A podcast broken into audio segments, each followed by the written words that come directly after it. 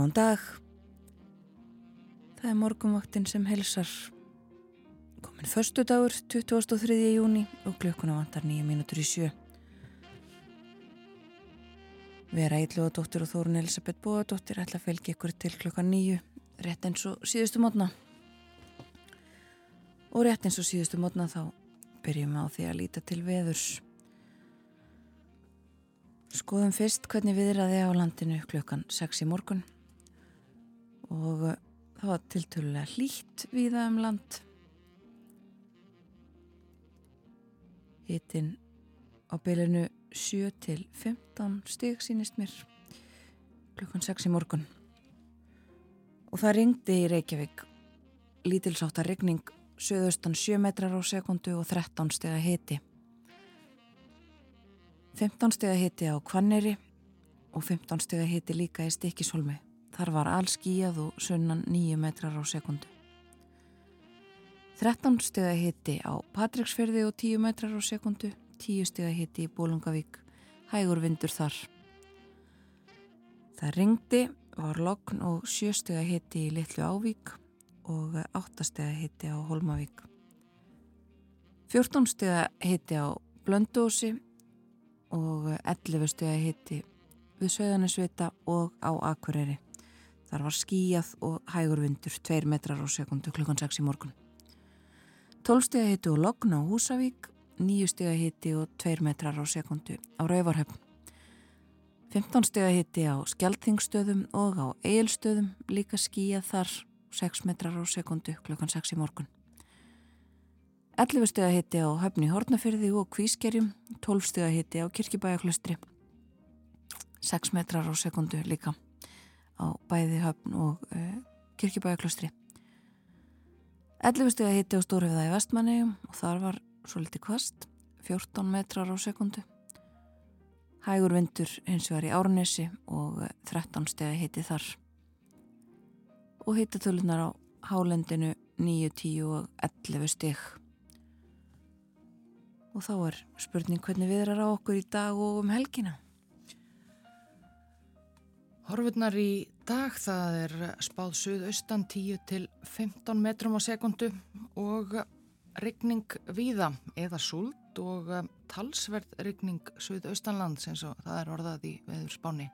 Hittin 10 til 16 stygg heldur hægari vindur og bjart með köplum um landið norðaustanvert með hitta að 23 styggum. Lægir í kvöld Víða væta á morgun og gengur í suðaustan 8 til 15 metra á sekundu síðdeis og hitti breytist á lítið.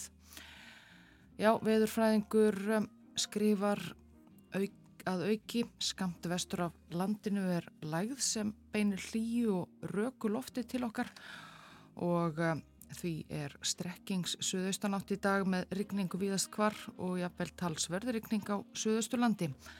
En þrátt fyrir að loftmassin sé hlýr þá eru hita tölurnar ekki íkja hlýjar í þessu raka lofti bara 10 til 16 stygg.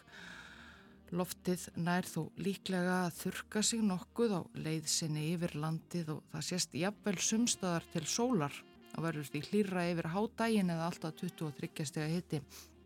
Þetta skrifar við fræðingur í hugleðingum sínum. En eh, í vindstrengjum við fjöll, sunnan og vestanland smá búast við kviðum um 25 eh, metra á sekundu en það getur verið varasamt fyrir aukutæki sem eru viðkvæm fyrir vindi. Um það og uh, svipað, svipaðar tilkynningar um farð á vegum og undarfartna daga það er bara þannig að það er ímislegt verið að uh, að brasa og reyna að laga og bæta og uh, borga sig að fylgjast með. Svo er líka eru tilkynningar um hluti eins og Snæfellsjökulslaup sem að verður á morgun.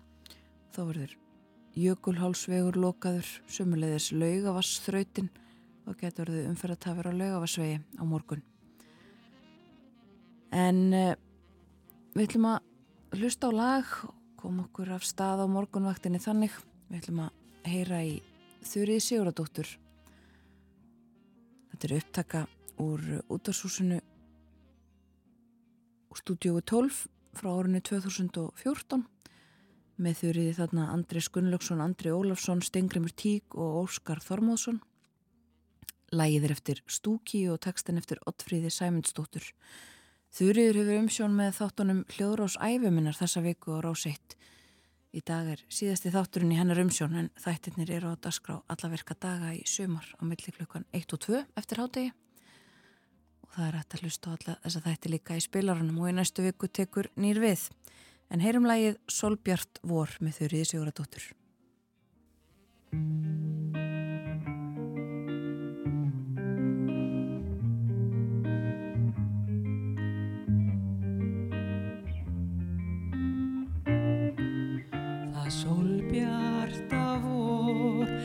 Sælunar nöyð, við sjálf vorum lífsglöð og ung. Fuglarnir kvöttu, þá fóst þú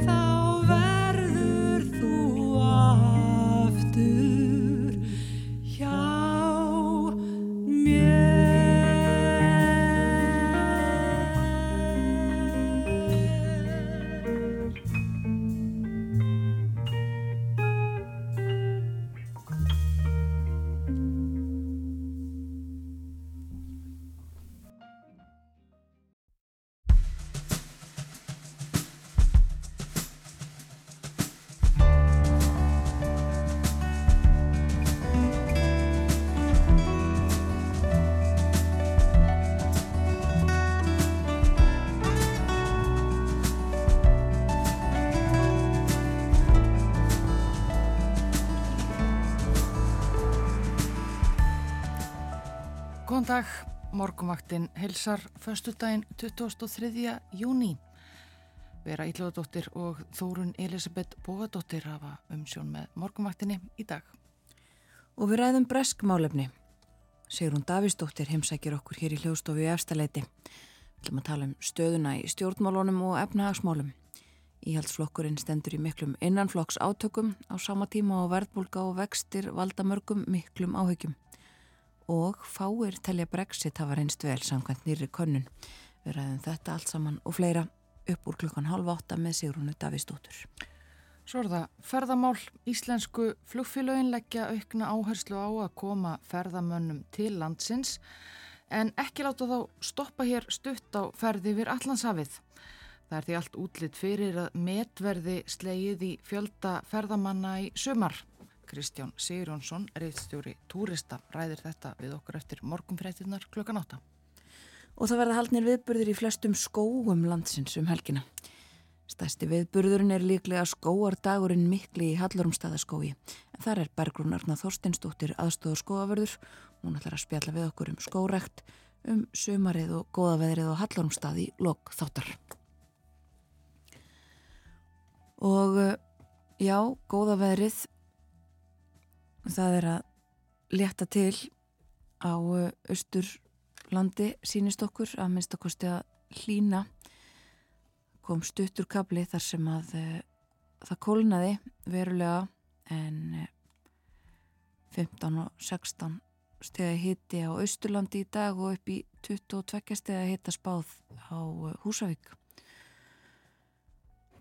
23 jafnvel uh, undir kvöld. En það er lægð skamt vestur á landinu sem að beinir hlýju og röku lofti til okkar.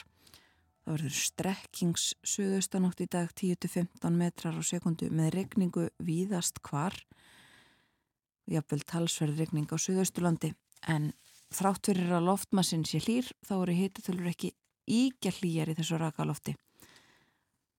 10-16 eða en loftið nær líklega að þurka sig nokkuð á leið yfir landið og því sérst sumstaðar til sólar og verður hlýra yfir hátægin eða alltaf ymitt 23 stegi hiti. En það má búast við snörpum vindkviðum eh, við fjöll sunnan á vestanlands og búið að gefa út eh, svona eh, aðtjóðasemt vegna þess ekki guðla viðvörun en, en aðtjóðasemt viðurfræðings vegna þessa Þetta verður fram á kvöld og aftur um tíma síðdeis og morgun sunnan til á landinu. Og það má einni búast við talsverðri rigningu á Suðausturlandi næstu daga, segir í þessari aðtjóðasemt. Já, svona er þetta. Og uh, í næstu viku gert ráð fyrir uh, hæglætis veðri á mánudag og þriðjudag. En uh, skúrum og regningu myllt í veðri en uh, já og svo myndumst við á það hér fyrir morgunna að uh, það er ekki bara framkvæmdir á vegum sem að þarf að hafa í huga þegar að fólk er á ferðinni. Það er einmitt uh, eins og við nefndum veðrið sumstaðar það eru malbygganir og alls konar framkvæmdir víða um landið og svo eru að minnstakosti tvö hlaup um, eða þess að það er laugavattsþraut sem verður háð á morgun og getur orðið umferð að tafir frá 10 til 1 og svo er það um, líka Snæfells jökulslaupið jökulhálsvegur verður lokaður á morgun millir 12 og 4 vegna þess. Framkvæmdir og hlaup sem, sem að getur sett streykirreikningin og fólk þarf að huga þeim málum ef það er á ferðinni.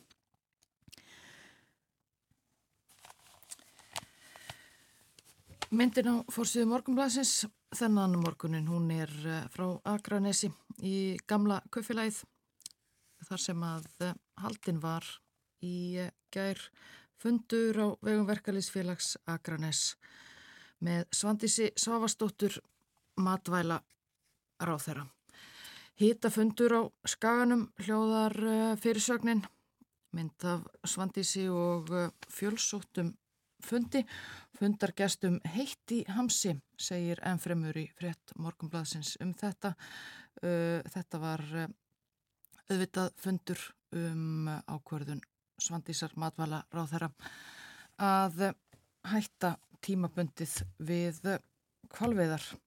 Heitar umræður voru á fundi verkalýsfélags Akranes í gamla köffélaginu í gerkvöld þegar ákverðun Svantíðsar Svavastóttur matvalar á þeirra um tímabundið hlý á kvalveðum var rætt. Svandís var gestur á fundinum og varði ákverðun sína fyrir fullum sal gesta. Sagði hún ákverðun sína ekki beinast gegn starfsmönnum kvals HF heldur byggjast á niðurstöðu fagaráðusum velferð dýra. Saði niðurstöðuna ekki skoðun heldur staðrind en matvalar á þeirra kom vart orði að án þess að hrópað væri að henni úr salnum eins og segir á fórsíðu morgunblæðsins og fjallaðum þetta bæði á fórsíðu og inn í blæðinu. Síðan er fjöldi frétta á fórsíðu morgunblæðsins í dag meðal annars fjallaðum nýja úttækt hagstofu Evropasambandsins uh, á matvælaverði Nesluvörur á Íslandi eru meðal þeirra dýrustu sem dæmi þekkjast en verða á þeim er um 59% herra en að meðaltali gengur og gerist innan ríkja Evrópu og það er bara í Sviss sem að það er dýrara að draga björg í bú. Það er verðalag 74% herra en að meðaltali í Evrópu. Mitt. Og á fórsíu morgumblæsins líka fjallaðum uh, Íslandsbanka, það er líka var gert uh, í gerðkvöldi á öðrum fjölmjölum fréttin barst í gerðkvöldi um, og uh, grípniður í frétt hér á VF Ríkisútursins Íslandsbanki gerir sátt við uh, fjármála eftirlitið um að greiða 1,2 miljardar. Íslandsbanki fælst á, á það að hafa brotið innri reglur bankans og farið á svig við eðlilega og heilbriða viðskiptahætti við útbóð á hlutum í bankanum sjálfum. Brotin teljast alvarleg. Þetta er vegna uh, framkvæmdar og útbóði bankasíslu ríkisins á 22,5% hlut ríkisins í Íslandsbanka í marsi fyrra, hlustendur mun eftir því og, og uh, því sem að fyldi í kjálfarið tilkynning frá bankanum í barsti gerkvöldi og þar segir að stjórn hafi tekið ákverðunum að þykja sáttabóð frá fjármála eftir liti Sælabankans. Í sáttinni fælst bankin á það mat fjármála eftir litsins að viðigandi lagakröfum og innri reglum bankans um veitingu fjárfestingaþjónustu hafi ekki verið fyllt í öllum tilveikum við undirbúning og framkvæmt útbóðsins, engum hvað varðar hljóðritanir símtala, upplýsingagjöf til viðskiptavina, flokkun fjárfesta og ráðstafanir gegn hagsmuna áraugsturum, svo sem aðskilnað starfsviða og viðskipti starfsmanna. Þá hafi innleiðing stjórnarháta og innra eftirlits ekki verið fullnægjandi og skort hafi áhættu með að eftirlit með hljóðritunum.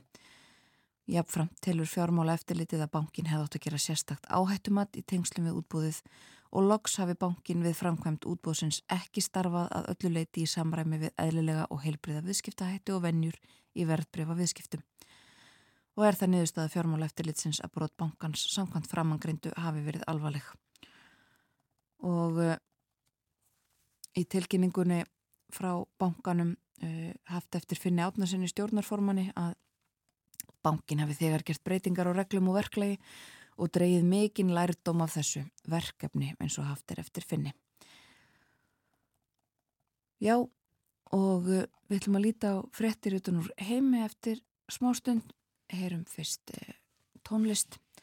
Þetta lag heitir More Than You Know, þetta eru Silva Þorðardóttir og Stengrimur Tík.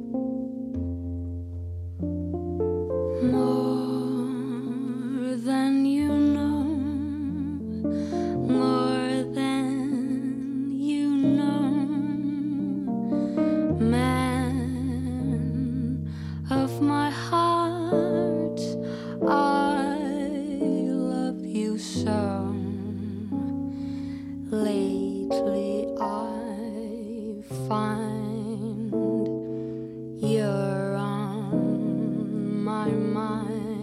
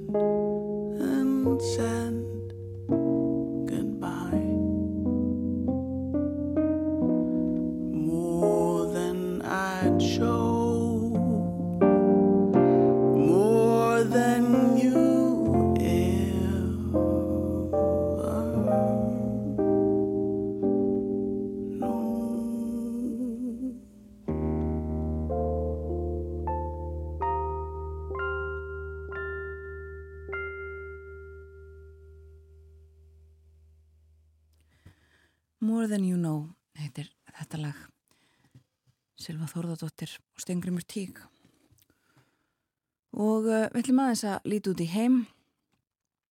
Byrjum í Svíþjóð þannan morgunin á sænskum blöðum sem eru uh, hátileg það er midsommar uh, miðsumars hátíð um, í Svíþjóð og það er auðvitað stærsti hátíðistagurinn þar í landi. Um, við heyrum nú meira af því og eftir. Kristján Sigur Jónsson, rittstjóri túrista, er búsettur í Svíþjóð og ætlar að vera með okkur og frá svona upphafi hátíð að halda í, í skerreikarðinum sænska í Stokkólmi.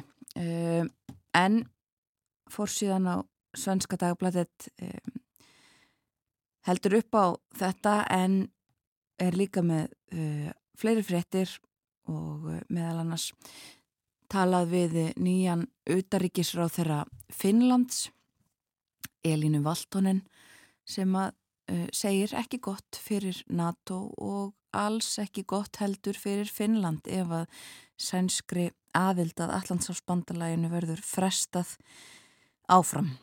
Um, og rætt við hana inn í blaðinu. Og uh, á forsiðu dagans nýheter í Svíþjóð líka um, má sjá mynd, uh, hún er þó ekki frá Svíþjóð þó sænsk sé að sjá. Og uh, þar er skrúðganga, um, sænski og bandaríski fánin, þetta er frá Nebraska í bandaríkjónum, þar sem að er uh, innflytjenda samfélag, má maður ekki segja vestur svíja rétt eins og vestur íslendinga, afkomendur svíja sem að fóru yfir hafið fyrir 150 árum síðan þeir fyrstu. Og uh, þar hefur verið haldinn uh, svíþjóðar háttíð lengi og uh, var blaðamar frá dagins nýttir á staðnum núna. Og þar er er haldið veglega upp á þetta og þetta er merki um uh, samstöðu, segir í fórsíðu fyrirsögninni. Dönskublöðin uh, informásjón fjallar áfram um, eða fjallar um áframhaldandi þurka. Við rettum þessi mál við Borgþór Artgrímsson hér uh, á miðugudag, hann er í Danmörku í Kaupmannöfn og uh, rætti þetta uh, mikil vandræði uh, sem að tengjast þessum miklu þurkum í Danmörku það er fjallaðum um þessi mál fórsíðun og informasjón uh, Martin Jústesen frá Lálandi uh, á fórsíðu myndinni á miðjum Akri. Þurkar í Danmörku halda áfram og í framtíðinni þá þurfa uh, þar fólk að búa sig undir fleiri svona atvik öfgar í veðri annarkort mjög mikil rigning eða mjög mikil þurkar og það þurfi að aðlaga sig því Politíken með annars konar frétt á fórsíðunni 800 missa vinnuna nú þegar að sláturhús, eitt stærsta sláturhús landsins lokar í dag. Mörg hundruð manns í hafnarbænum Sebi eh, þurfa að finna aðra vinnu, segir í fórsíð fyrirsögninni þar. Nú eh, fjölmilar fjallaði þetta um kavbátinn sem að sagt hefur verið frá í, eh, og fylst með í fjölmjölum síðustu daga það fannst brak úr honum eh, og allt sem bendi til þess að hann hafi sprungið það hefur orðið sprenging og um, jafnvel fyrir einhverjum dögum síðan. Fjallaðum það meðal annars á, á, á New York Times og áfram uh, minnst á þessa hluti sem við nefndum í gerðmorgun uh, að það hafi verið varað við því að það væri ekki öllum svona uh, reglum og vennjum fyllt í þessum málum. Og fjallaðan um þetta bæði bandaríkjaskum og, og breskum fjölmjölum og í Breitlandi uh, talaðum já þetta en líka um stöðu efnahagsmóla víða á, á fórsíðunum stýrivextir hækkaðir í gær 5% verða að reyna að stöðva og uh, stöðva verðbólguna. Miklar áhyggjur margra uh, og Rissi Súnak fórsættisráð þeirra Breitlands líka á nokkrum fórsíðunum í þess tengslum við þetta og uh, neytar að uh, lækka skatta er fyrirsögnin einhver staðar og uh, hann segir þetta er allt í lægi, ég er að vinna í málinu, ég ætla að, að vinna í þessu og ná þessu uh, í lag. En uh, meira um bresk málefn eftir nokkra mínútur.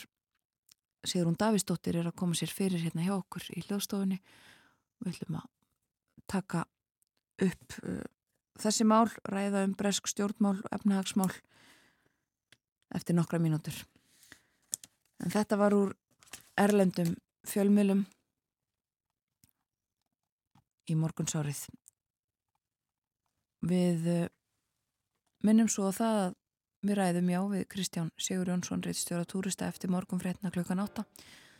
Þó við ætlum að nefna eh, miðsumarháttíðina þá er það nú ekki aðal umræði efnið. Við ætlum að tala um eh, stöðu mála hjá íslensku flugfélagunum sem eru bæði farin að leggja aukna áherslu á það að uh, flytja fólk, uh, ferðamenn hinga til lands.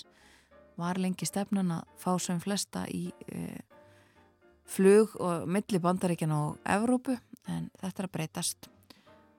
Og svo líka töluverð umræða um stöðu ferðarþjónustunar fyrir að rendi Sælabankastjóri hefur haft á orði að hún sé bara að vaksa allt og hratt. Ísland ráði ekki við þetta OECD vil að uh, við setjum ferðarþjónustu uh, skatleggjum hana frekar en uh, ferðamálar á þeirra er ekki með slíka áform á prjónunum.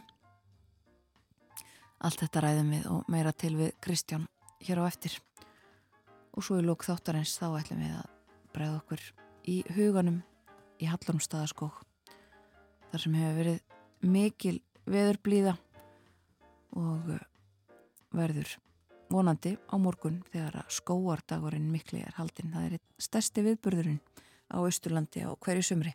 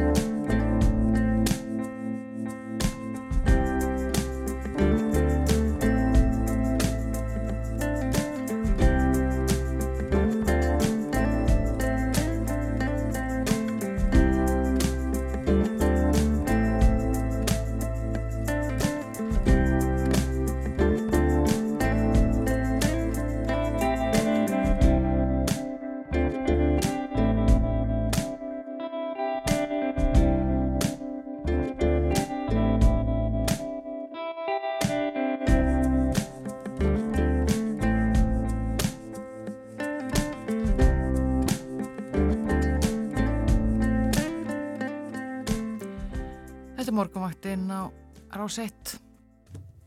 Klukkan er orðin ríflega hálf átta, það er förstu dags morgun 23. júni. Og við höfum fengið hinga í hljóðstofu sérstakann gest sem að hlustendur kannast við en hefur ekki verið með okkur í nokkur tíma. Sigrun Davistóttir, velkomin á morgunvaktina. Kæra þakkir, góðan og blessaðan daginn. Góðan og blessaðan daginn. Við ætlum að ræða um bresk málefni.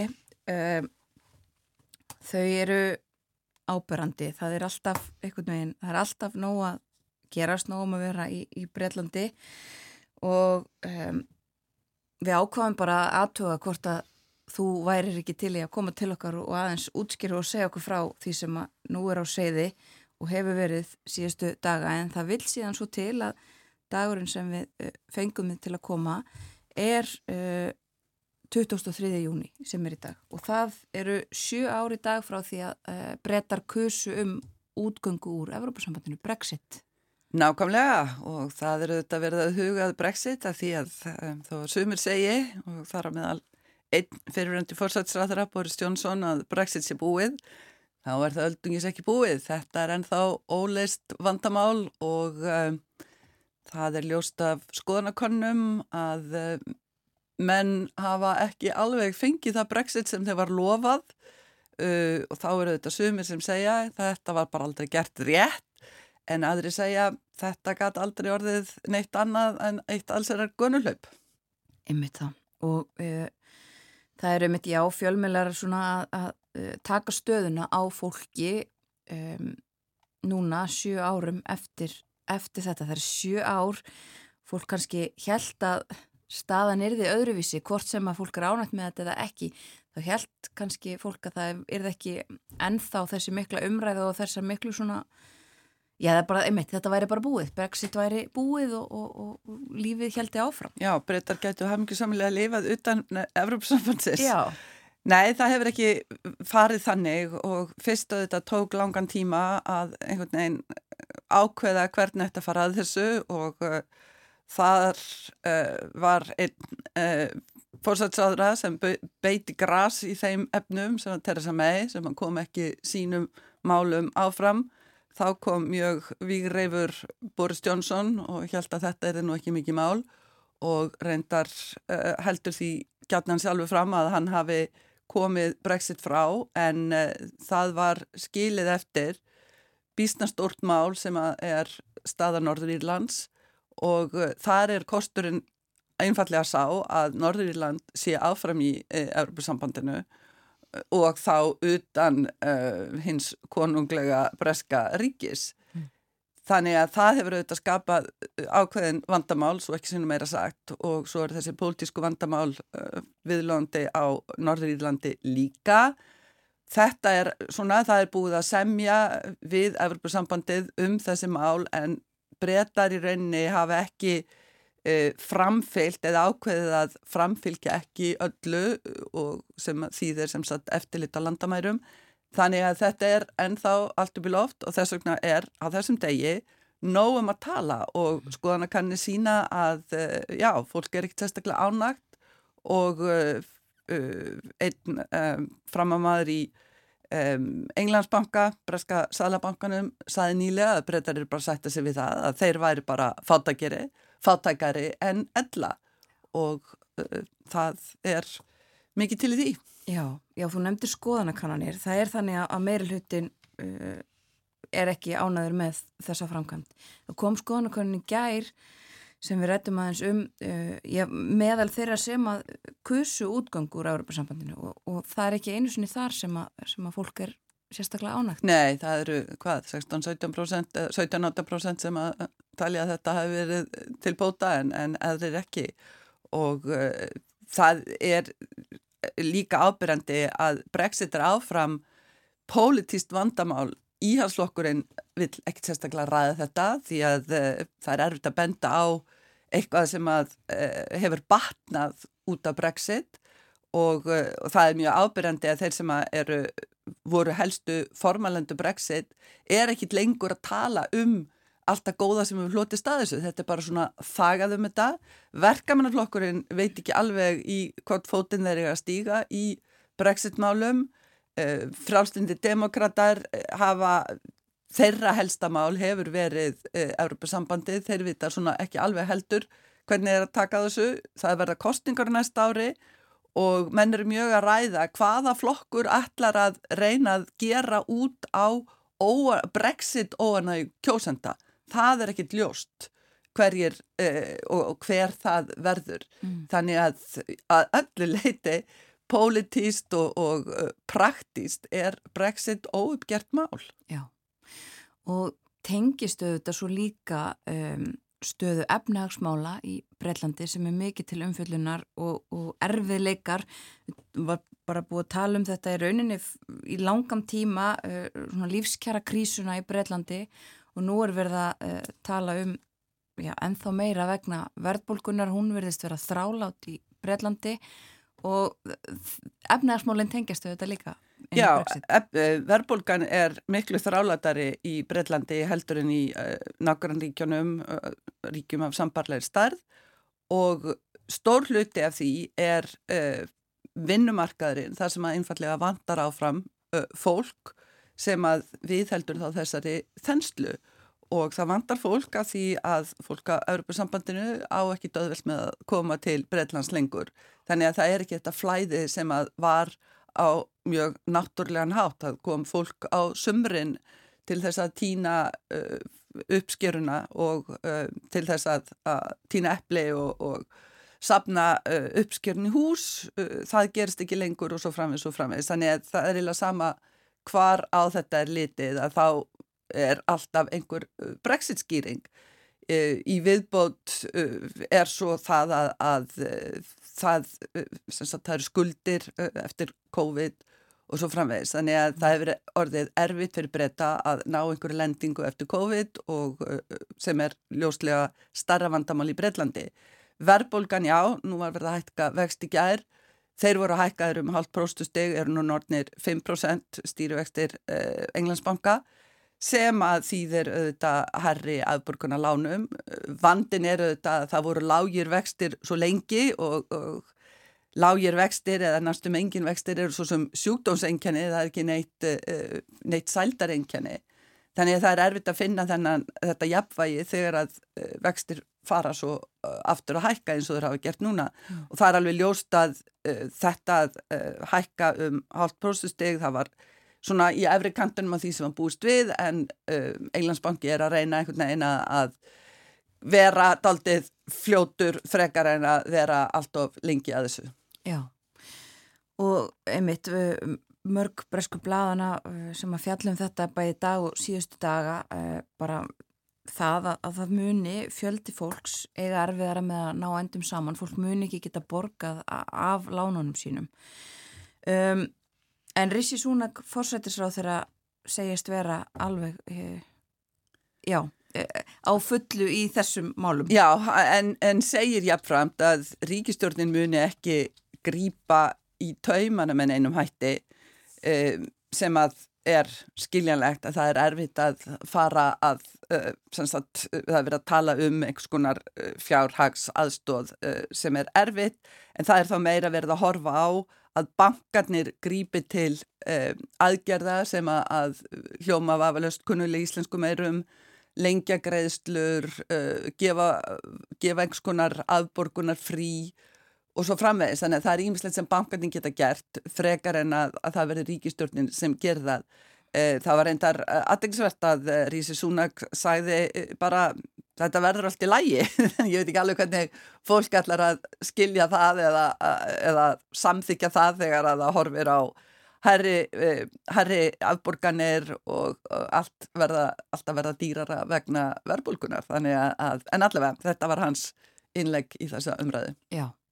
Og það er líka, maður við sé það í, í breskum fjölmjölum að, að eh, fólk er, margir eru bara pyrraðir út í það að, að, að það séu kannski meiri aðtekli og áhersla síðustu vikur á svona einhver innanflokksmál, innanflokksdeilur líka í íhaldsflokknum með mitt að framáman þar séu einhvern veginn að eða orkunissin í það í staðan fyrir að vera að huga fólkin í landinu. Það var auðvitað vonin eftir, eftir að uh, Boris Jónsson rökkleðast frá síðan kemur Liz Truss uh, nær einhverjum 45 dögum í embætti og svo áttir Rissi Súnak að koma til þess að læja vötnin og, og gera stjórnmálun aftur að einhverju eðlu viðfangsefni sem að snýrist um stefnumál og stjórnun en ekki bara persónleg vandamál hinna og þessara. Þannig að það er svona ákveðið ergelsi líka í flokknum að hvað það er einhvern veginn rosalega erfitt að komast út úr þessu persónlega fari og þessi mál Borisa Johnsons eru alltaf að koma upp aftur og aftur. Mm. og núna síðast sem sagt skýsla fá þinginu um það að hann hafi logið að þinginu og þingi þá lagði til að hann yrði utan þings í 90 daga sem var til þess að hann sagði af sér eins og skott uh, og ætlaði ekki að fara að láta draga sér gegnum þá umræðu í þinginu. En þetta kemur samt til kastaþingsins og kom til kastaþingsins Og þá tókum henn eftir því að Súnak greitt ekki atkvæði um þetta. Hann einfallega var uppdækið þennan dag og gæti ekki mætti þingi til þess að greiða atkvæði. Já. Og það svona veldur ákveðinni, eh, ákveðinni undrun innan flokksins að hann einhvern veginn get ekki stíð fastati jarðar í þessum efnum en þetta.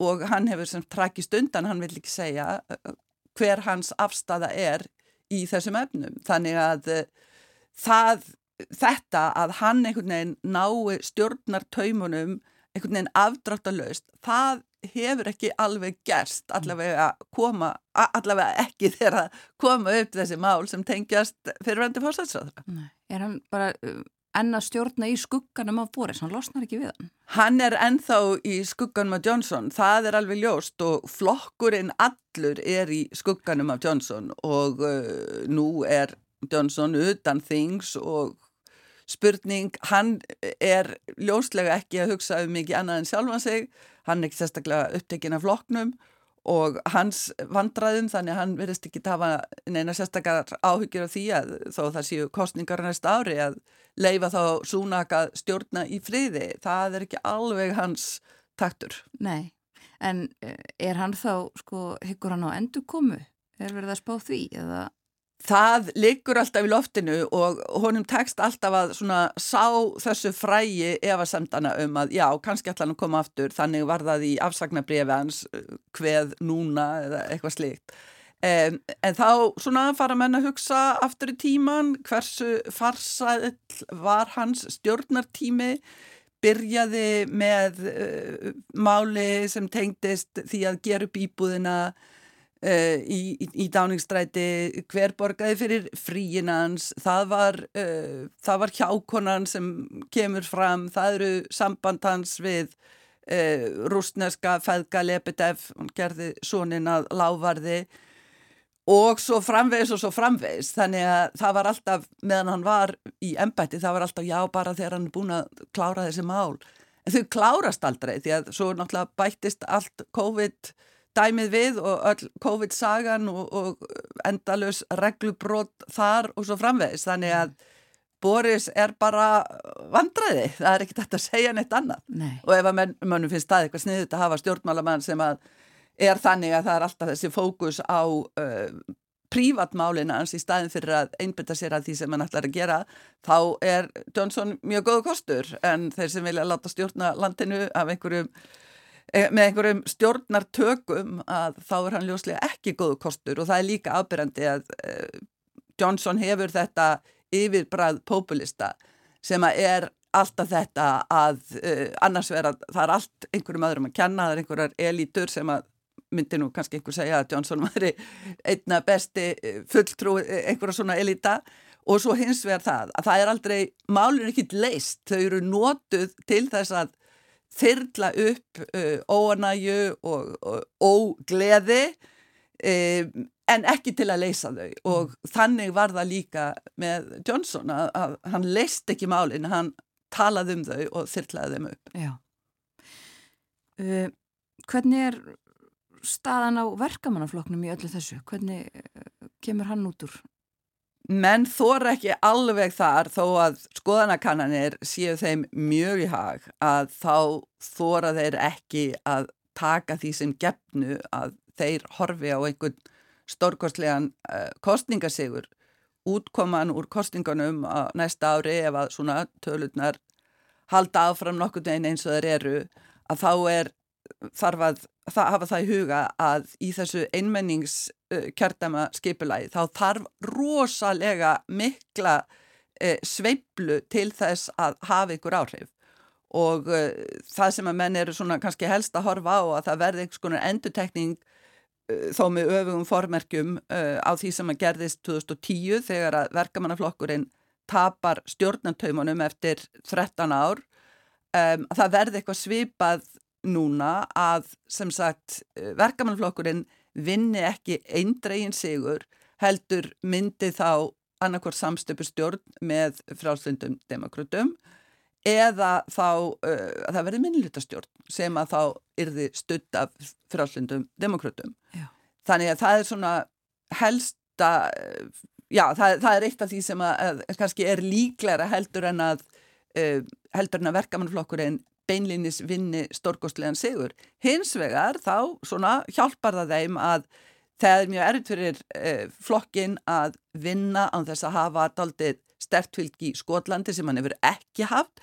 Nú er skorski þjóðaflokkurinn í tómu tjóni yfir sínum leðtoga uh, fyrverandi Nikola Sturgeon sem virtist bæði geta flóið og gengið á vatni þannig að hún gaf það ekki og lendi í, í fjárhags uh, óreiðumáli Þannig að e, þá gæti verkamannflokkurinn styrst í Skotlandi, það myndi hjálpa honum en já, flokksmenn eru, eru bjart sínir en svona þú er ekki alveg að vona, vonast eftir eða trúa á fullan sigur. Nei, og alls konar breytur sem að þarna koma inn. Það eru marga breytur þetta. Um, sko eitt af þessum, þú nefndir á þennum einn stærsta ástæðan fyrir verbulgunni er svona þensla á vinnumarkaði og það að það kemur ekki fólk frá Evrópusambandsríkjum til þess að vinna. En sko innflytjandamálin og landamæramálin voru svona eitt af þessum stóru uh, málum í Brexit uh, það að uh, fá stjórn á landamærunum aftur. Og sko málefni í bæði innflytjanda og, og bara flóta fólks hafa verið líka mjög áberandi Uh, kannski ekki alveg síðustu daga en í, í svolítinn tíma er það ekki Jú, það, þetta hefur verið mál, málana alltaf þegar það er ekki eitthvað annað dægurmál sem að tekur aðteglina þá er það þessi mál. Og, og þar hefur vandin verið að uh, stjórnin hefur uh, verið að koma upp með alls konar úrræði en einhvern veginn aldrei úrræðin sem að kannski þeir sem að skoða þessi mál mest uh, hefðu trú á. Uh, það átti að senda flotta fólk til Rwanda og það átti einhvern veginn að ræða fólk frá því að koma.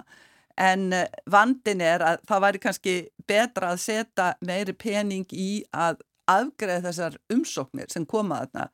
Stór hluti eða, já, daldið drúur hluti af þeim sem koma eru frá Albaníu sem að svona virðist vera einhvers konar uh, skipulagð uh, útgerð, uh, skipulaðra glæpa abla og það hefur tekið gríðarlega langan tíma einhvern veginn að ná utanum það að taka sérstaklega á flóttamunum frá Albaníu eða innflytjendum frá Albaníu.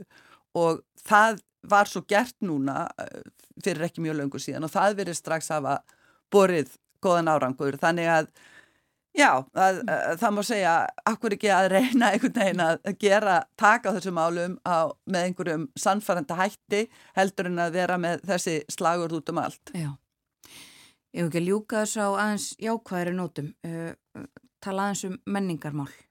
Já, ég, hérna, eitt sem að mér fannst mjög skemmtilegt sem ég heyrði núna og, og það er að, og eitthvað sem að Íslandingar getur kannski hugsað líka út frá Íslandingarsónum eh, breytar eiga náttúrulega þennan arf sem eru leikrit Shakespeare's sem eru á tungumáli sem þetta lítur út eins og enska en, en er uh, oft erfitt að, og erfitt fyrir krakka að lesa og svo framvegis breytt, breyttur orðaforði.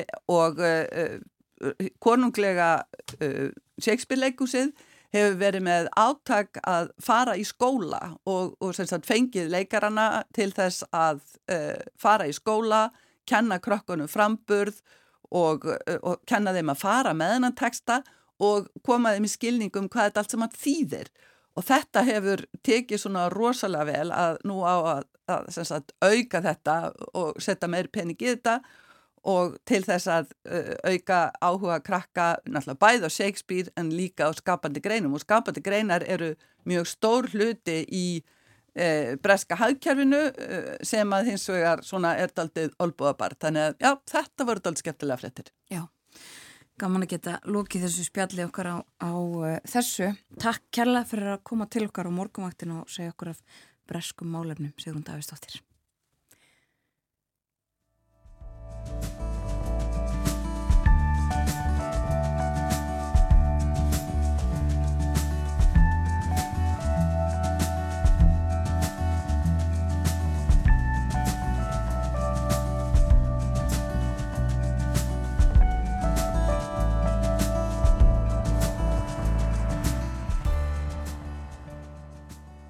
Sigrun Davísdóttir hlustundum að góðu kunnið þetta fór yfir bresk málefni með okkur stjórnmálinn og efnahagsmálinn og svo aðeins í lókin eh, um menningarmál. Það er í dag sjö ár frá því að brettar kussu um útgöngu úr Európusambandinu og verið að rifja upp og ræða þau mál uh, viða í Breitlandi þessa dagana. Myndust meðal annars á könnun sem var byrt í gær sem að sínir að uh, aðeins 18% þeirra sem að kusu með útgöngunni uh, telja nú sjö árum setna að það hafi verið já, góð ákvörðun að Brexit hafi gengið vel. En uh, já, ekki meiri hluti með þessu eins og staðan er í dag en það margt gengið uh, illa í þessum viðskilnaði Við förum að leipa fréttastofinni að morgun fréttinar klukkan átta á slæginu að þeim loknum þá förum við til Svíþjóðar þar sem að Kristján Sigur Jónsson reittstjóri túrista er statur það er miðsumars háttíð en líka ferðamálin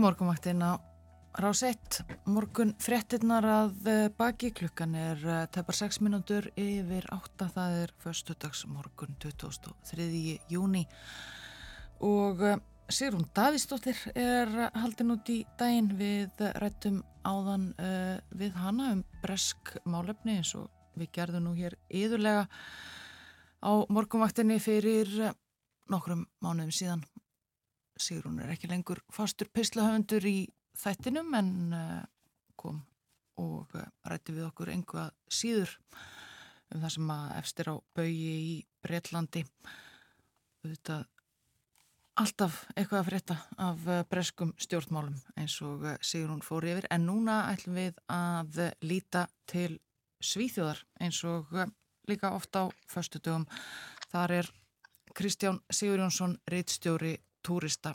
Kontur sæl, Kristján. Sjálf blessið. Við uh, ringjum oft í þig og þú ert uh, í Stokkólmi en hvað ertu stattur núna? Er, nú, nú er ég út í Skerringarðinum, klukkutíma sikling frá Stokkólmi og hinga út eftir á litla eigi sem heitir Ólun og hérna það er tilumnið, það er miðsumarháttíð Svíja er, er í dag og hérna mikil háttíðarhald hér á eiginni ég er bara eftir nokkra klukkutíma þar sem að hérna, mæstöngin verður dansað í kringum mæstöngina og, og sungnir söngar og hérna og við útlendingarnir fylgjumst með þessu og tökum þátt eins og við getum en, en þetta er uh, náttúrulega mikil, mikil hátíð hér í Svíþjóð og ég sjálfur sér svona hátíðleiri dagur á margan hátt heldur en, en, en jólinn sjálf sko í, í hugum margar svíja. Ymmið það og uh, já, ymmið að fara út í svona skerjagarðin, það er uh, ansi, ansi hefbundið. Já, já, það er, mjög vinsalt og allar ferjur, allar dreklanar á leðin hingað út eftir síðustu daga og ég er nú að horfa hérna út á sundið og hér er nú einn ferjan að koma og koma með síðustu gestina sem ná þá rétt fyrir átíðarhöldin. Þannig að það eru hérna stríðu ströymur af ferjum á, á, á ferðinni hér á milli eiga núna. Já. Þó þú sést á undan okkur í tíma þá klukkan og ekki margt en það byrjar, hátíðarhöldin byrja snemma. Já svona uppur, uppur hátti og, og svo hérna er, er, og það er svona aðháttíðin þá og það er náttúrulega svo eru er borðið náttúrulega síld og kannski eitthvað smá snass og svo eru jarðaperja tertur og svona þannig að þetta er, þetta er hugulegt eins og maður segir hér í, í Skandinavíu hmm. Já, og hvernig viðrar á þessi hátíðarhald? Já, það er nefnilega mjög gott viður, það verður bara sérst eins og er, það er bara enni dagurinn það sem er, hittin er á bylnu 20-25 gráður og þetta er náttúrulega, það er náttúrulega hvar sem fólk hittist orðið hér í síðan núna held ég að það er, er ber veðrið að góma og allir að tala um hvort að, já það stefni það sama og sumari 2018 þegar hér voru náttúrulega miklu þurkar sem endiði eða með óskupum, en hér er eiginlega allur gróður skrjáfaður. Ymmið það. Já, við töluðum líka um þetta í morgun fjallaðum þurka í Danmörku og höfum gert það svo sem fyrri vikunni og það er ymmið, eh, það er þannig, það hefur bara verið blíðviðri og ekki drópu úr lofti lengi.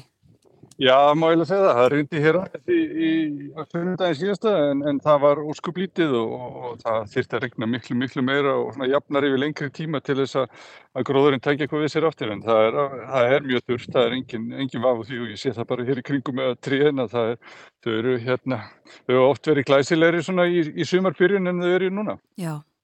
Það má nú segja það líka hér í Reykjavík en það er af öðrum ástæðum. Það var óveður já. sem allir því, já annars konar, já. En um, já, og eins og ég segi, við höfum talað um þetta í Danmörku og við myndumst aðeins á þetta líka með þér fyrir hálfumónuðu síðan, þá var þetta svona ástand alveg hafið uh, og þetta hefur haft áhrif í Skandinavíu, þetta goða veður á, á sólalandaferðir, er það ekki? Já, það er nefnilega þannig að nú er þeir svíjar og, og danir sem áttu kannski eftir að, að bóka sér sólalandaferðir sumasins, að þeir svona Já, hika aðeins og eru kannski ekki að stökka til og það hefur þau áhrif að verla á svona sólalandaferðin núna er, er mjög lágt. Það er að segja að það fást mjög ódýrar ferðir til Tyrklands, Spánar, Gríklands síðan frá Skandinavíu um, fyrir lítið eða þú ert til að stökka á stað með litlum fyrirvara. Það eru dæmum að vera að selja kannski viku ferðir, flug og, og ágætis hótel eh, við miðarhafið á 30 til 40 þúsund krónur þannig að, þetta er náttúrulega miklu lagra verðin þeir borguðu sem triðu í það strax í februar-mars þegar veðri var náttúrulega miklu leðilegra hér og, og margir þráðu sólina en svo þegar það er já, blíðir upp okkur einasta dag hér heima þá er kannski erfitt fyrir fólk að hérna, já, skiljanlegt að fólk híkja eins við að fari ennþá meiri hýta við niðurhafið.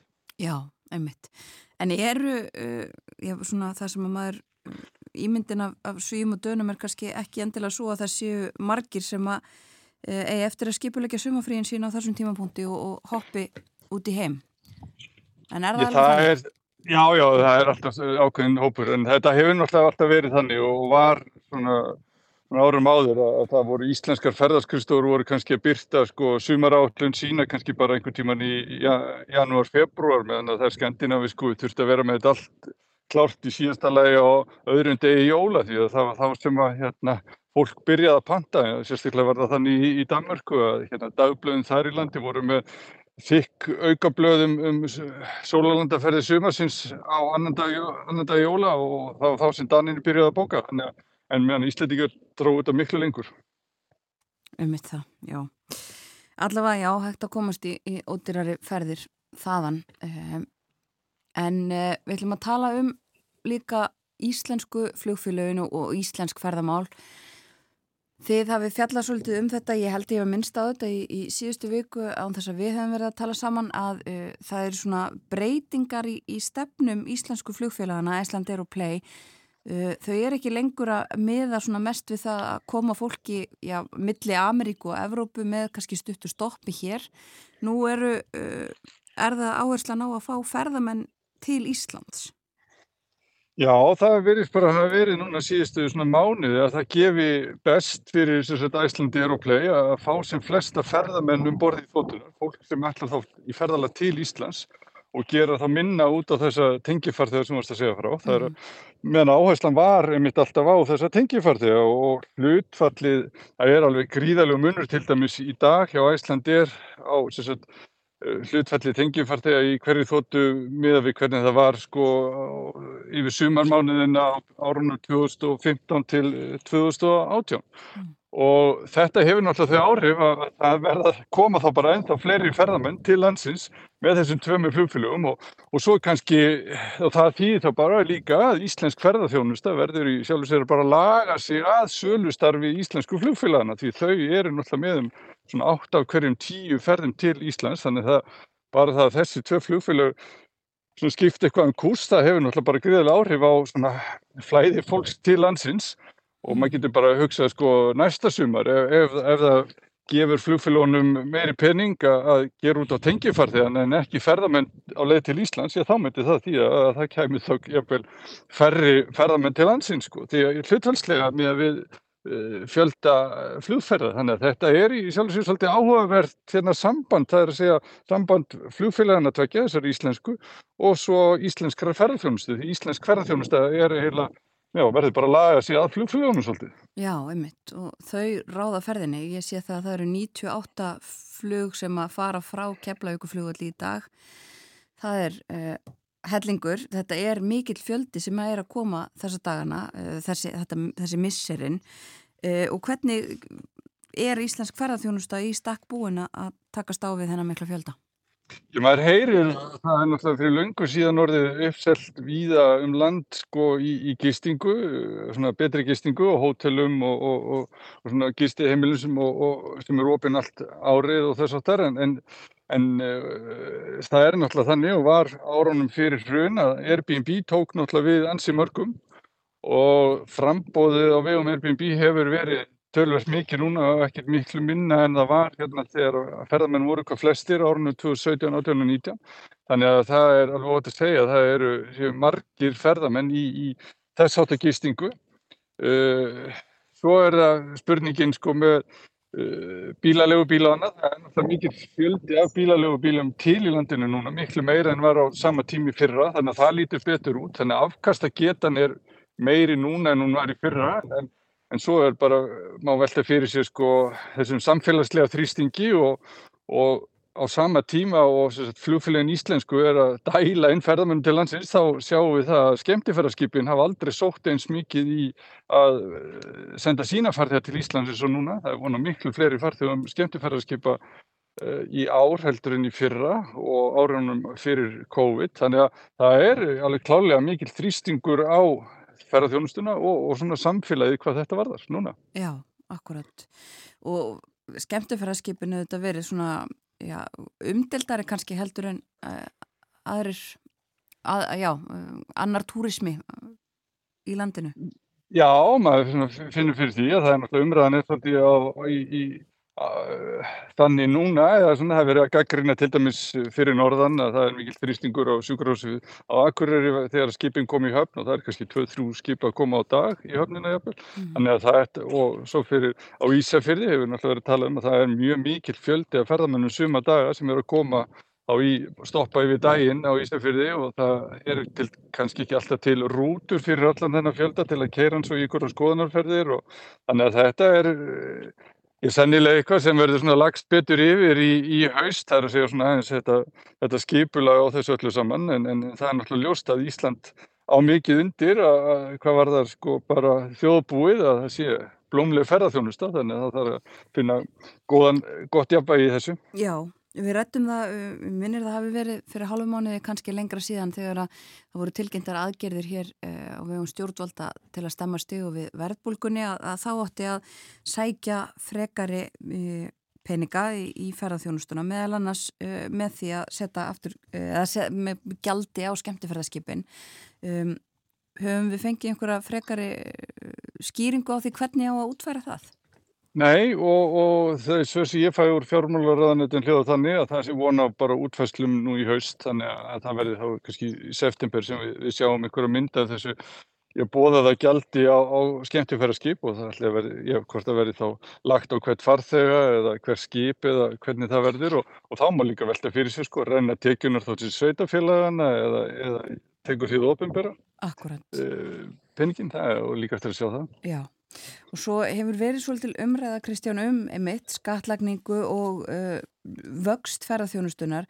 Uh, það kom uh, skýrsla frá efnags- og framfarastofnuninni og OCD fyrir vikunni þar sem að var mælt með því að skatta undan þáur ferðarþjónustunar verði afnumdar og það er ekki samstæðum það greinlega meðal ráð þeirra Guðmundur Ingi Guðbrandsson hafi tekið vel í þessar hugmyndir en Lili Alfredsdóttir hún er ekki á því að fara að hækka álugur Nei og þannig er sennilega verið að vísa mest í virðsökarskattin því að hérna, ferðarþjónustan er í lægra þrepinu og greiðir 11% menn efra þrepið er 24% en, en það er náttúrulega bara víast hver í Evrópu og, og kannski bara fyrir utan Danmörku þar sem að ferðarþjónusta, hótelgisting til dæmis, er í lægra skattþrepi.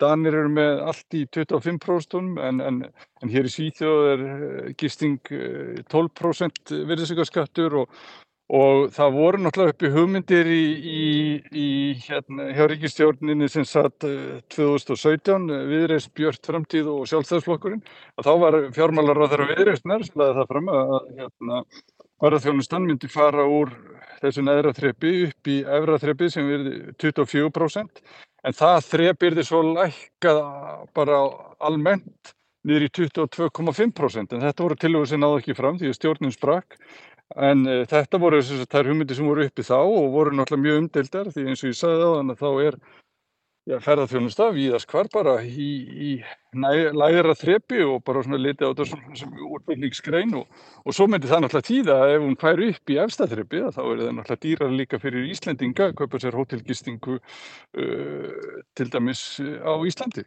Akkurat. Já uh, og svo hefur líka verið svolítið talað um bara þennan mikla vöxt og uh, meðal annars Már Guðmundsson fyrirverðandi sælabankastjóri sem saði eitthvað þá veru að, að þetta bara gengi ekki upp, þetta væri bara of mikið, Ísland reyði ekki við þetta.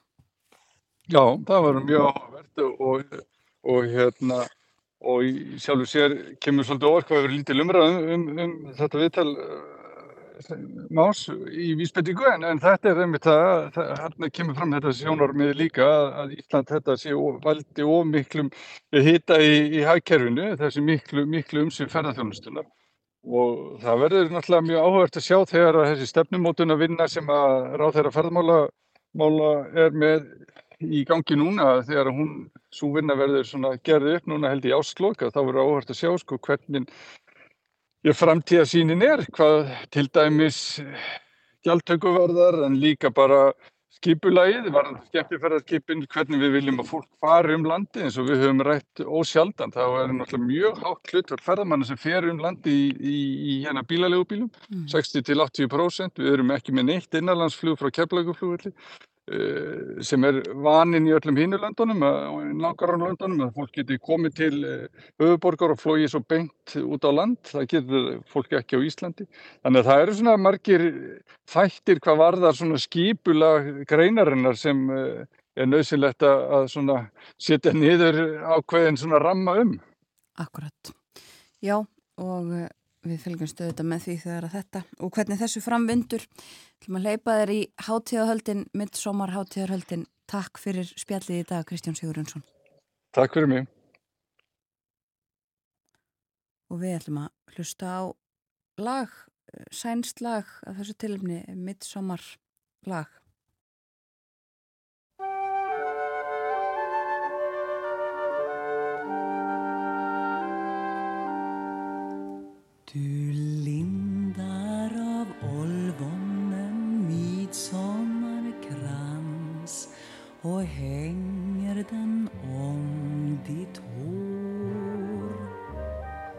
Du skrattar åt mångubbens benvita glans som högt över tallen står.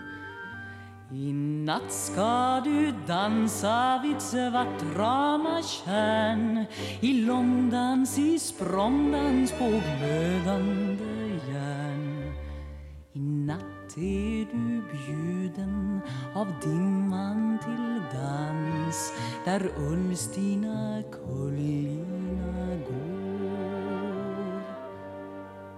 Nu tager du månen från blåbergets kam att ge dig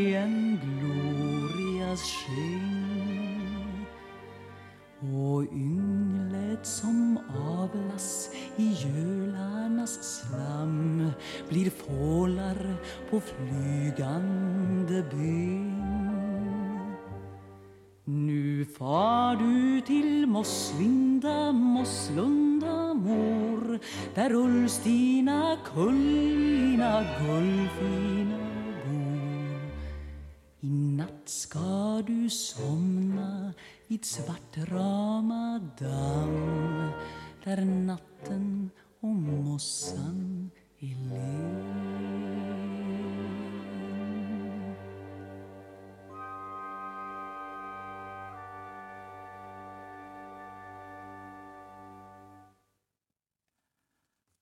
Sænska söngkonan Anita Lindblom sem að söng þarna uh, vísa við midsommar tíð. Það er uh, miðs, miðsumarsháttíðin í uh, Svíþjóði dag. Við vorum að tala við Kristján Sigurjónsson, reyðstjóra túrista. Hann er uh, stattur í uh, skerjagarðinum fyrir utan uh, Stokkólum og tekur þátt í sænskum háttíðahöldum í dag eins og hann sað okkur frá í upphafi spjallsum uh, ferðamál. Já, og í Stokkólmi á að vera 27 steg hitti í dag eh, og þar um kring. Það er sólskinn. Það má segja líka í Oslo, þar er e, gert ráð fyrir 25 steg hitta og sólskinni. 23 steg hitti komin í Helsingi og nær 26 stegum í dag. Líka sól þar. Það er eftir á móti skíjað í Kaupmannahöfn. 21 tveggjastega hitti þar í dag.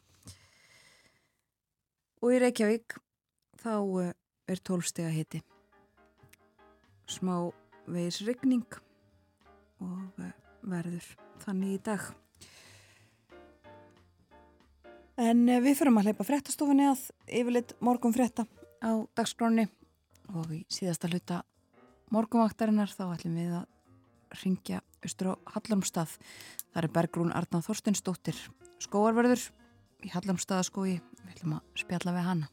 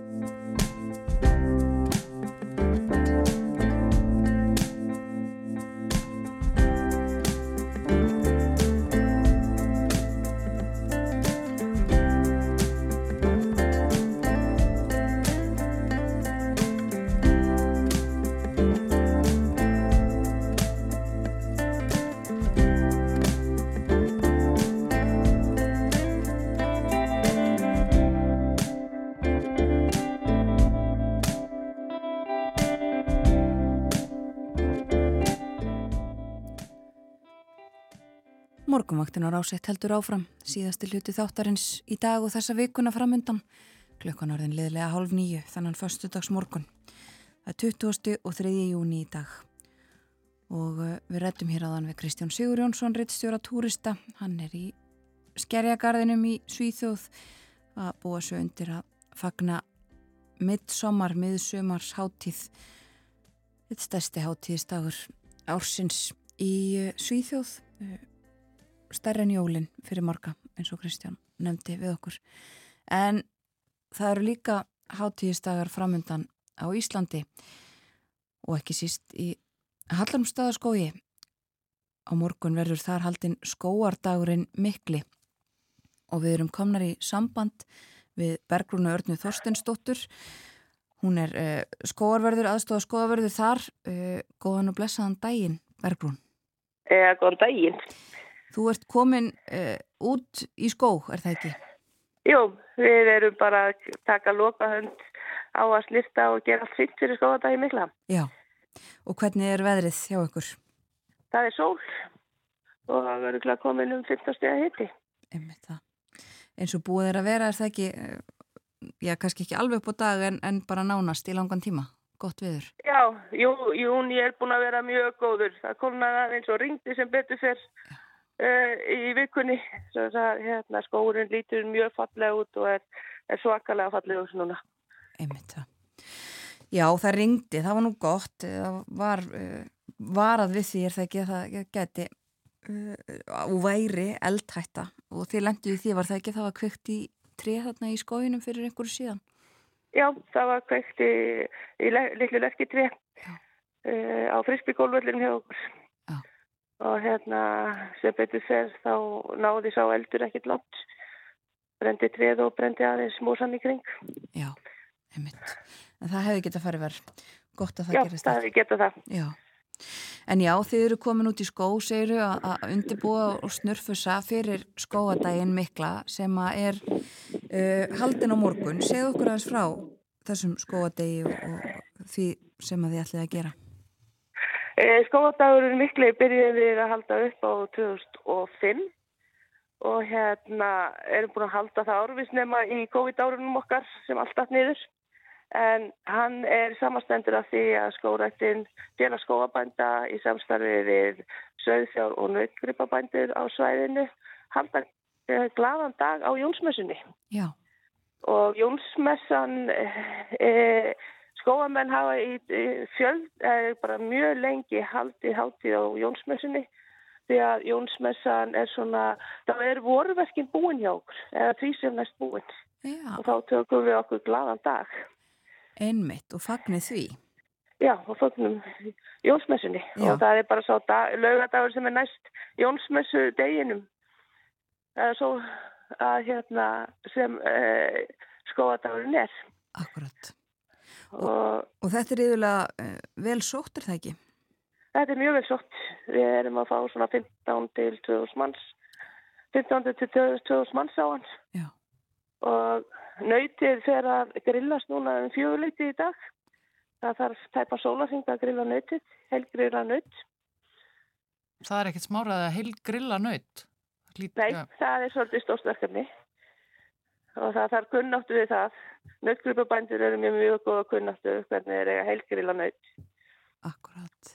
Og síðan bjóðum við upp á keti kaffi að hætti skóamanna og, og skóalumur og hérna ráðni þjær úr því kemur frá Vallanessi eða móður jörg Já, og síðan eru atriði á sviði og sögþjóðbændur koma og, og bjóða hérna lampakjött og síðan er náttúrskólinn með okkur í ár með ymsa leiki fyrir krakka.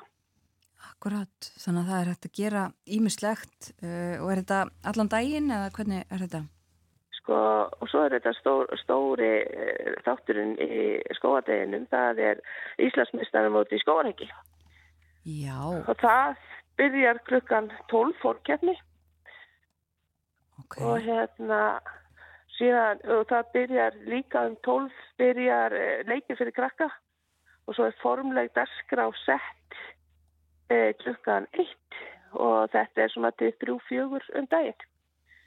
Einmitt það, eru margir skráðu til leiks í, í Íslandsmeistaramótinu í Skóuröki? Já, það eru komnir 13 aðilar sem eru skráðir. Ok, Svo þess að það mun heyrast í nokkuð mörgum kæðisögum. já. Hva, hérna, sko, fyrir okkur sem ekki, ekki þekkjum þetta vel, sko, hvað er nákvæmlega, einmitt, uh, hvernig fer þessi keppni fram? Hvað er það sem að, uh, uh, sko, keppendur gera? Það, í fórkeppninni þá eh, sem sé, velja þessi númer og trén eru númeruð og þeir fella tréð og þurfa að gera það eftir vissum leikreglum og geta síðan fengið refsistig.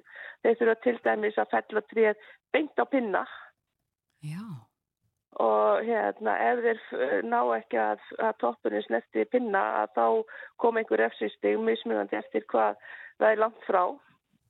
Og svo þurfa þeir að ákvista tréð og þá er mælt hvað er ákvista taka greinarna nála stofninum. Og svo þarf að hluta bólinn niður. Síðan færis keppnin, eftir þessa fórkeppni, þá færis keppnin sem loka atriði áskofadeginum og þá þurfa þeir að hérna, saga skýfur og sem að eiga að vera viss þykkar. Já, og ef þeir eru ekki nógu þykkar eða of þunnar þá koma refsistig. Og svo þurfa þeir að taka öxilaup eins og var eh, skóar með notuði hér áður fyrr. Og, og hérna ná að fella uh, lítinn stöp eða ból og högvan í, í tvent já, og svo er það ekkið þeir þurfa að kljúa egg niður í tvent já, með, eggsinni með exinni, já, Já, og hérna, það, gengur misvel að kljúa ekkið. já, það, þetta er tölöfur kunnotta sem að þarf í, í þetta og, og já, bæði með vélsöginni og líka með gamla læginu. Já, það þarf að nota bæði. Já, En þetta, síðan fáum við hérna ammælisbarni heimsókn. nú, hver er það? Það er hann Klói. Kókumjölka Klói, hann er nefnilega 50. já, Akkurat, og hann verður þarna í Hallandstæðaskói á morgun. Já, já. Hann hefur eiginlega alltaf heimsótt okkur á skoðadaginn. Nú, ok. hann ber nú aldrei um vel. Já, hann gerir það. Það voru gaman að sjá hvernig hann er 50. Einmitt. En er þetta, er þetta alveg heima, heimamenn sem að sækja uh, viðburðin eða, eða kemur fólk víða að? Það er svona mjög samt eftir dögum en östfyrringar eru mjög duglega að sækja daginn að og síðan er fólk að koma hérðan og það. Já, og sko þetta er auðvitað æmitt eins og þú segir og sagðir áðan að þið eru það fagna því að vorverk, vorverkonum sé lokið og það er svona uh, fagnuður fólkin því fyrir ykkur en það er líka uh, markmiðið það ekki að svona kynna, uh, kynna skógin og skóana á Íslandi fyrir fólki. Jú, þetta er að fá fólki inn í skógin og, og hérna gleðast með okkur og, og njóta hvað skógin getur gefið okkur. Já. Hvað er hérna oft þó að sé kannski ekkert svo skemmtilegt verið fyrir þetta skógin að þá er, erum við svo heppin að skóadagurinn hefur alltaf verið í mjög góðu veðri hér inn í. En og sko, hvað trén gefa mikið skjól. já, akkurat og, og er skóurinn ég meina hann er mikið nýttur og sóttur er það ekki allan ásins ring eða hvað af, af fólki á svæðinu? Jú, hann er það og það er alltaf að aukast hvað eins og göngustíga. Það er mikið gönguleiðir hérna í skóinum og það er orðið mjög góð nýting á þeim og getur að þekka þessar leiðir. Og ellendi ferðamennar þeir, þeir njóta þess að ganga hér um skógin að það til skóur á Íslandi. Og heimamaðurinn nota skógin mjög mikið. Akkurat, og, og hérna já, Já. Og uppleifa skógin og, og það eru sko gungulegðir í skóginum upp á 24 kilometra þú getur valið stuttalegð, langarleið alls konar leiðis einmitt. Eh, Sko, Berglund, það er líka talað um það í, í tengslum við þennan dag að, að það sé líka uh, þurfi að kynna mikilvægi skórektarinnar sem framtíðar atvinnugreinar á Austurlandi. já, Hvernig standa bara- þau mál? Þau standa bara vel því að uh, fljósta sér að við er það er búið að planta miklu og við þetta megum aldrei stoppa í að kynna mikilvæga skóa og hérna svo að uh, já, að fá fólkið inn í skógin upplifa hann og sjá hvað hann gerir að það er eitt af þessum þáttum sem við erum að, að, að taka með skóadeginu. Já. Og skóadagurinn er þarna hjá ykkur á morgun en það er líka verið að halda alls konar viðburði er það ekki í, í, fleiri skóum á landinu? Jú, það er þessi dagur er yfir all landið að hérna ymsir, uh, já, hér og þar á landinu er verið að halda skóadaga mm. á mismunandi hátt. Já. Og markmiðið allstað er það sama, að fá fólkið. Já, já. fólkið inn í skógin og upplifa skógin. Já, einmitt það. Já og það er eh, góð veðurspá hjá ykkur, er það ekki eins og eh, við nefndum í upphafi búið að vera uh, blíðiðri lengi. Já.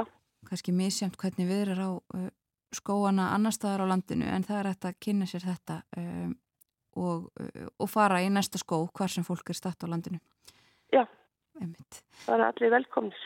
Já, takk fyrir að segja okkur frá þessu og, og gangi ykkur vel í ykkar verkum. Já, takk sem leiðis.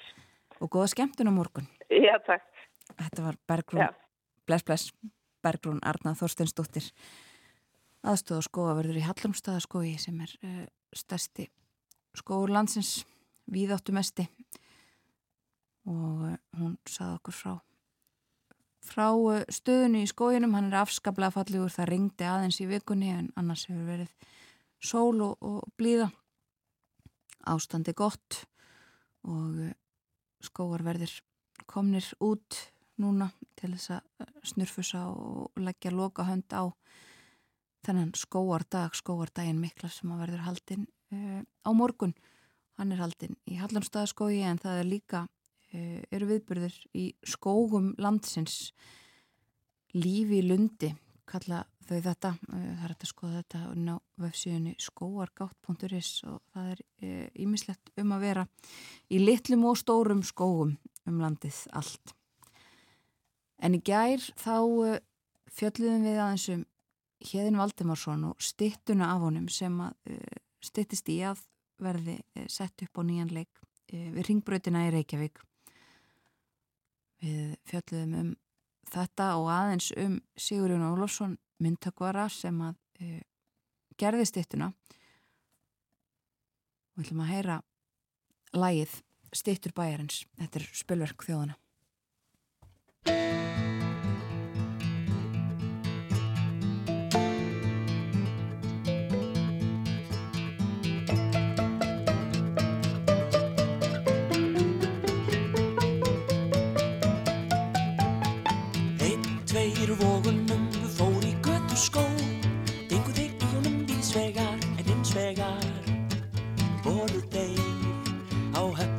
Eftir skósmiðnum.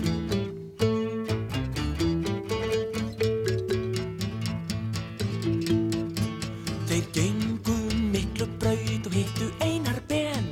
Skaldi við alltaf í frakkanum að neftum Nésíðum Einar er ein af stittum bæjarinn sem enginn nefnir að horfa á. Greistitturna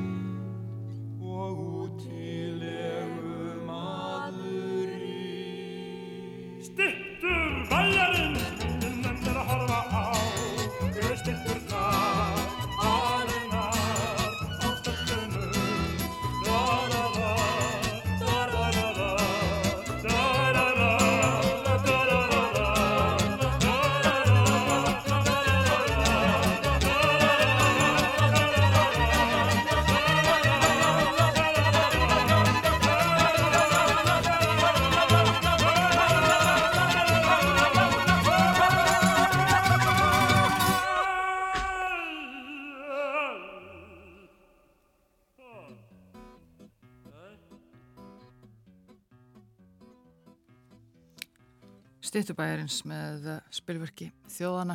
Spilum þetta í, uh, já, í tengslum við umfyllun í þætti gerdagsins um stittuna af hérni Valdimarsinni sem að senn verður aftur sett upp á sinn stall við ringbrödd stittana hérni þó ekki eina af þeim stittum sem að nefnd er í þessum söngteksta spilverksins. Nei, akkurat. Og uh, þessu fyrir að ljúka hjá okkur á morgunvaktinni í dag og þessa vikunarinnar við ætlum að nefna það, við byrjuðum hér snemma í morgun á að uh, vitna í morgunblæðið þar er fórsýðu myndin af þessum fundi sem haldin var á Akranis í gær um uh, kvalviðar, um stöðvun á kvalviðum og uh, það varði fundur uh, á alþingi, atvinnuvega nefndar fundur klukkan 11 í dag, hann verður opinn fjölmiðlum. Atvinnuvega nefnd og skaði eftir því að Svandi Sváðstóttir matvælar á þeirra mætti á fund hennar til þess að ræða þessa uh, ákvörðun hennar. Og við heyrðum aðeins að þessu áðan líka uh, í frettunum og heyrum líklega aftur kannski nánar núna klukkan nýju en uh, fjallaðum já, þessa ákvörðun. Svandi Sváðstóttir mætir á fundin og með henni einir fjórir starfsmenn ráðunöytisins og það verður hægt að fylgjast með þessu í fjölmjölum á eftir.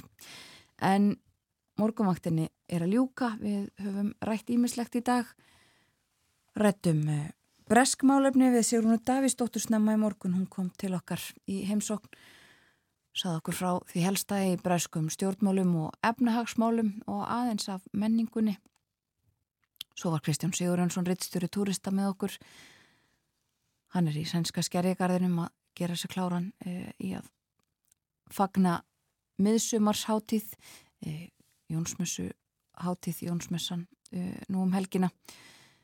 Og uh, svo var það einmitt uh, líka því tengt þess að skóadagurinn mikli er haldin í kringum Jónsmessu í Hallamstæðaskói og við rættum við Bergrúnu Örnu Þorsteinsdóttur sem er aðstóða skóarverður þar.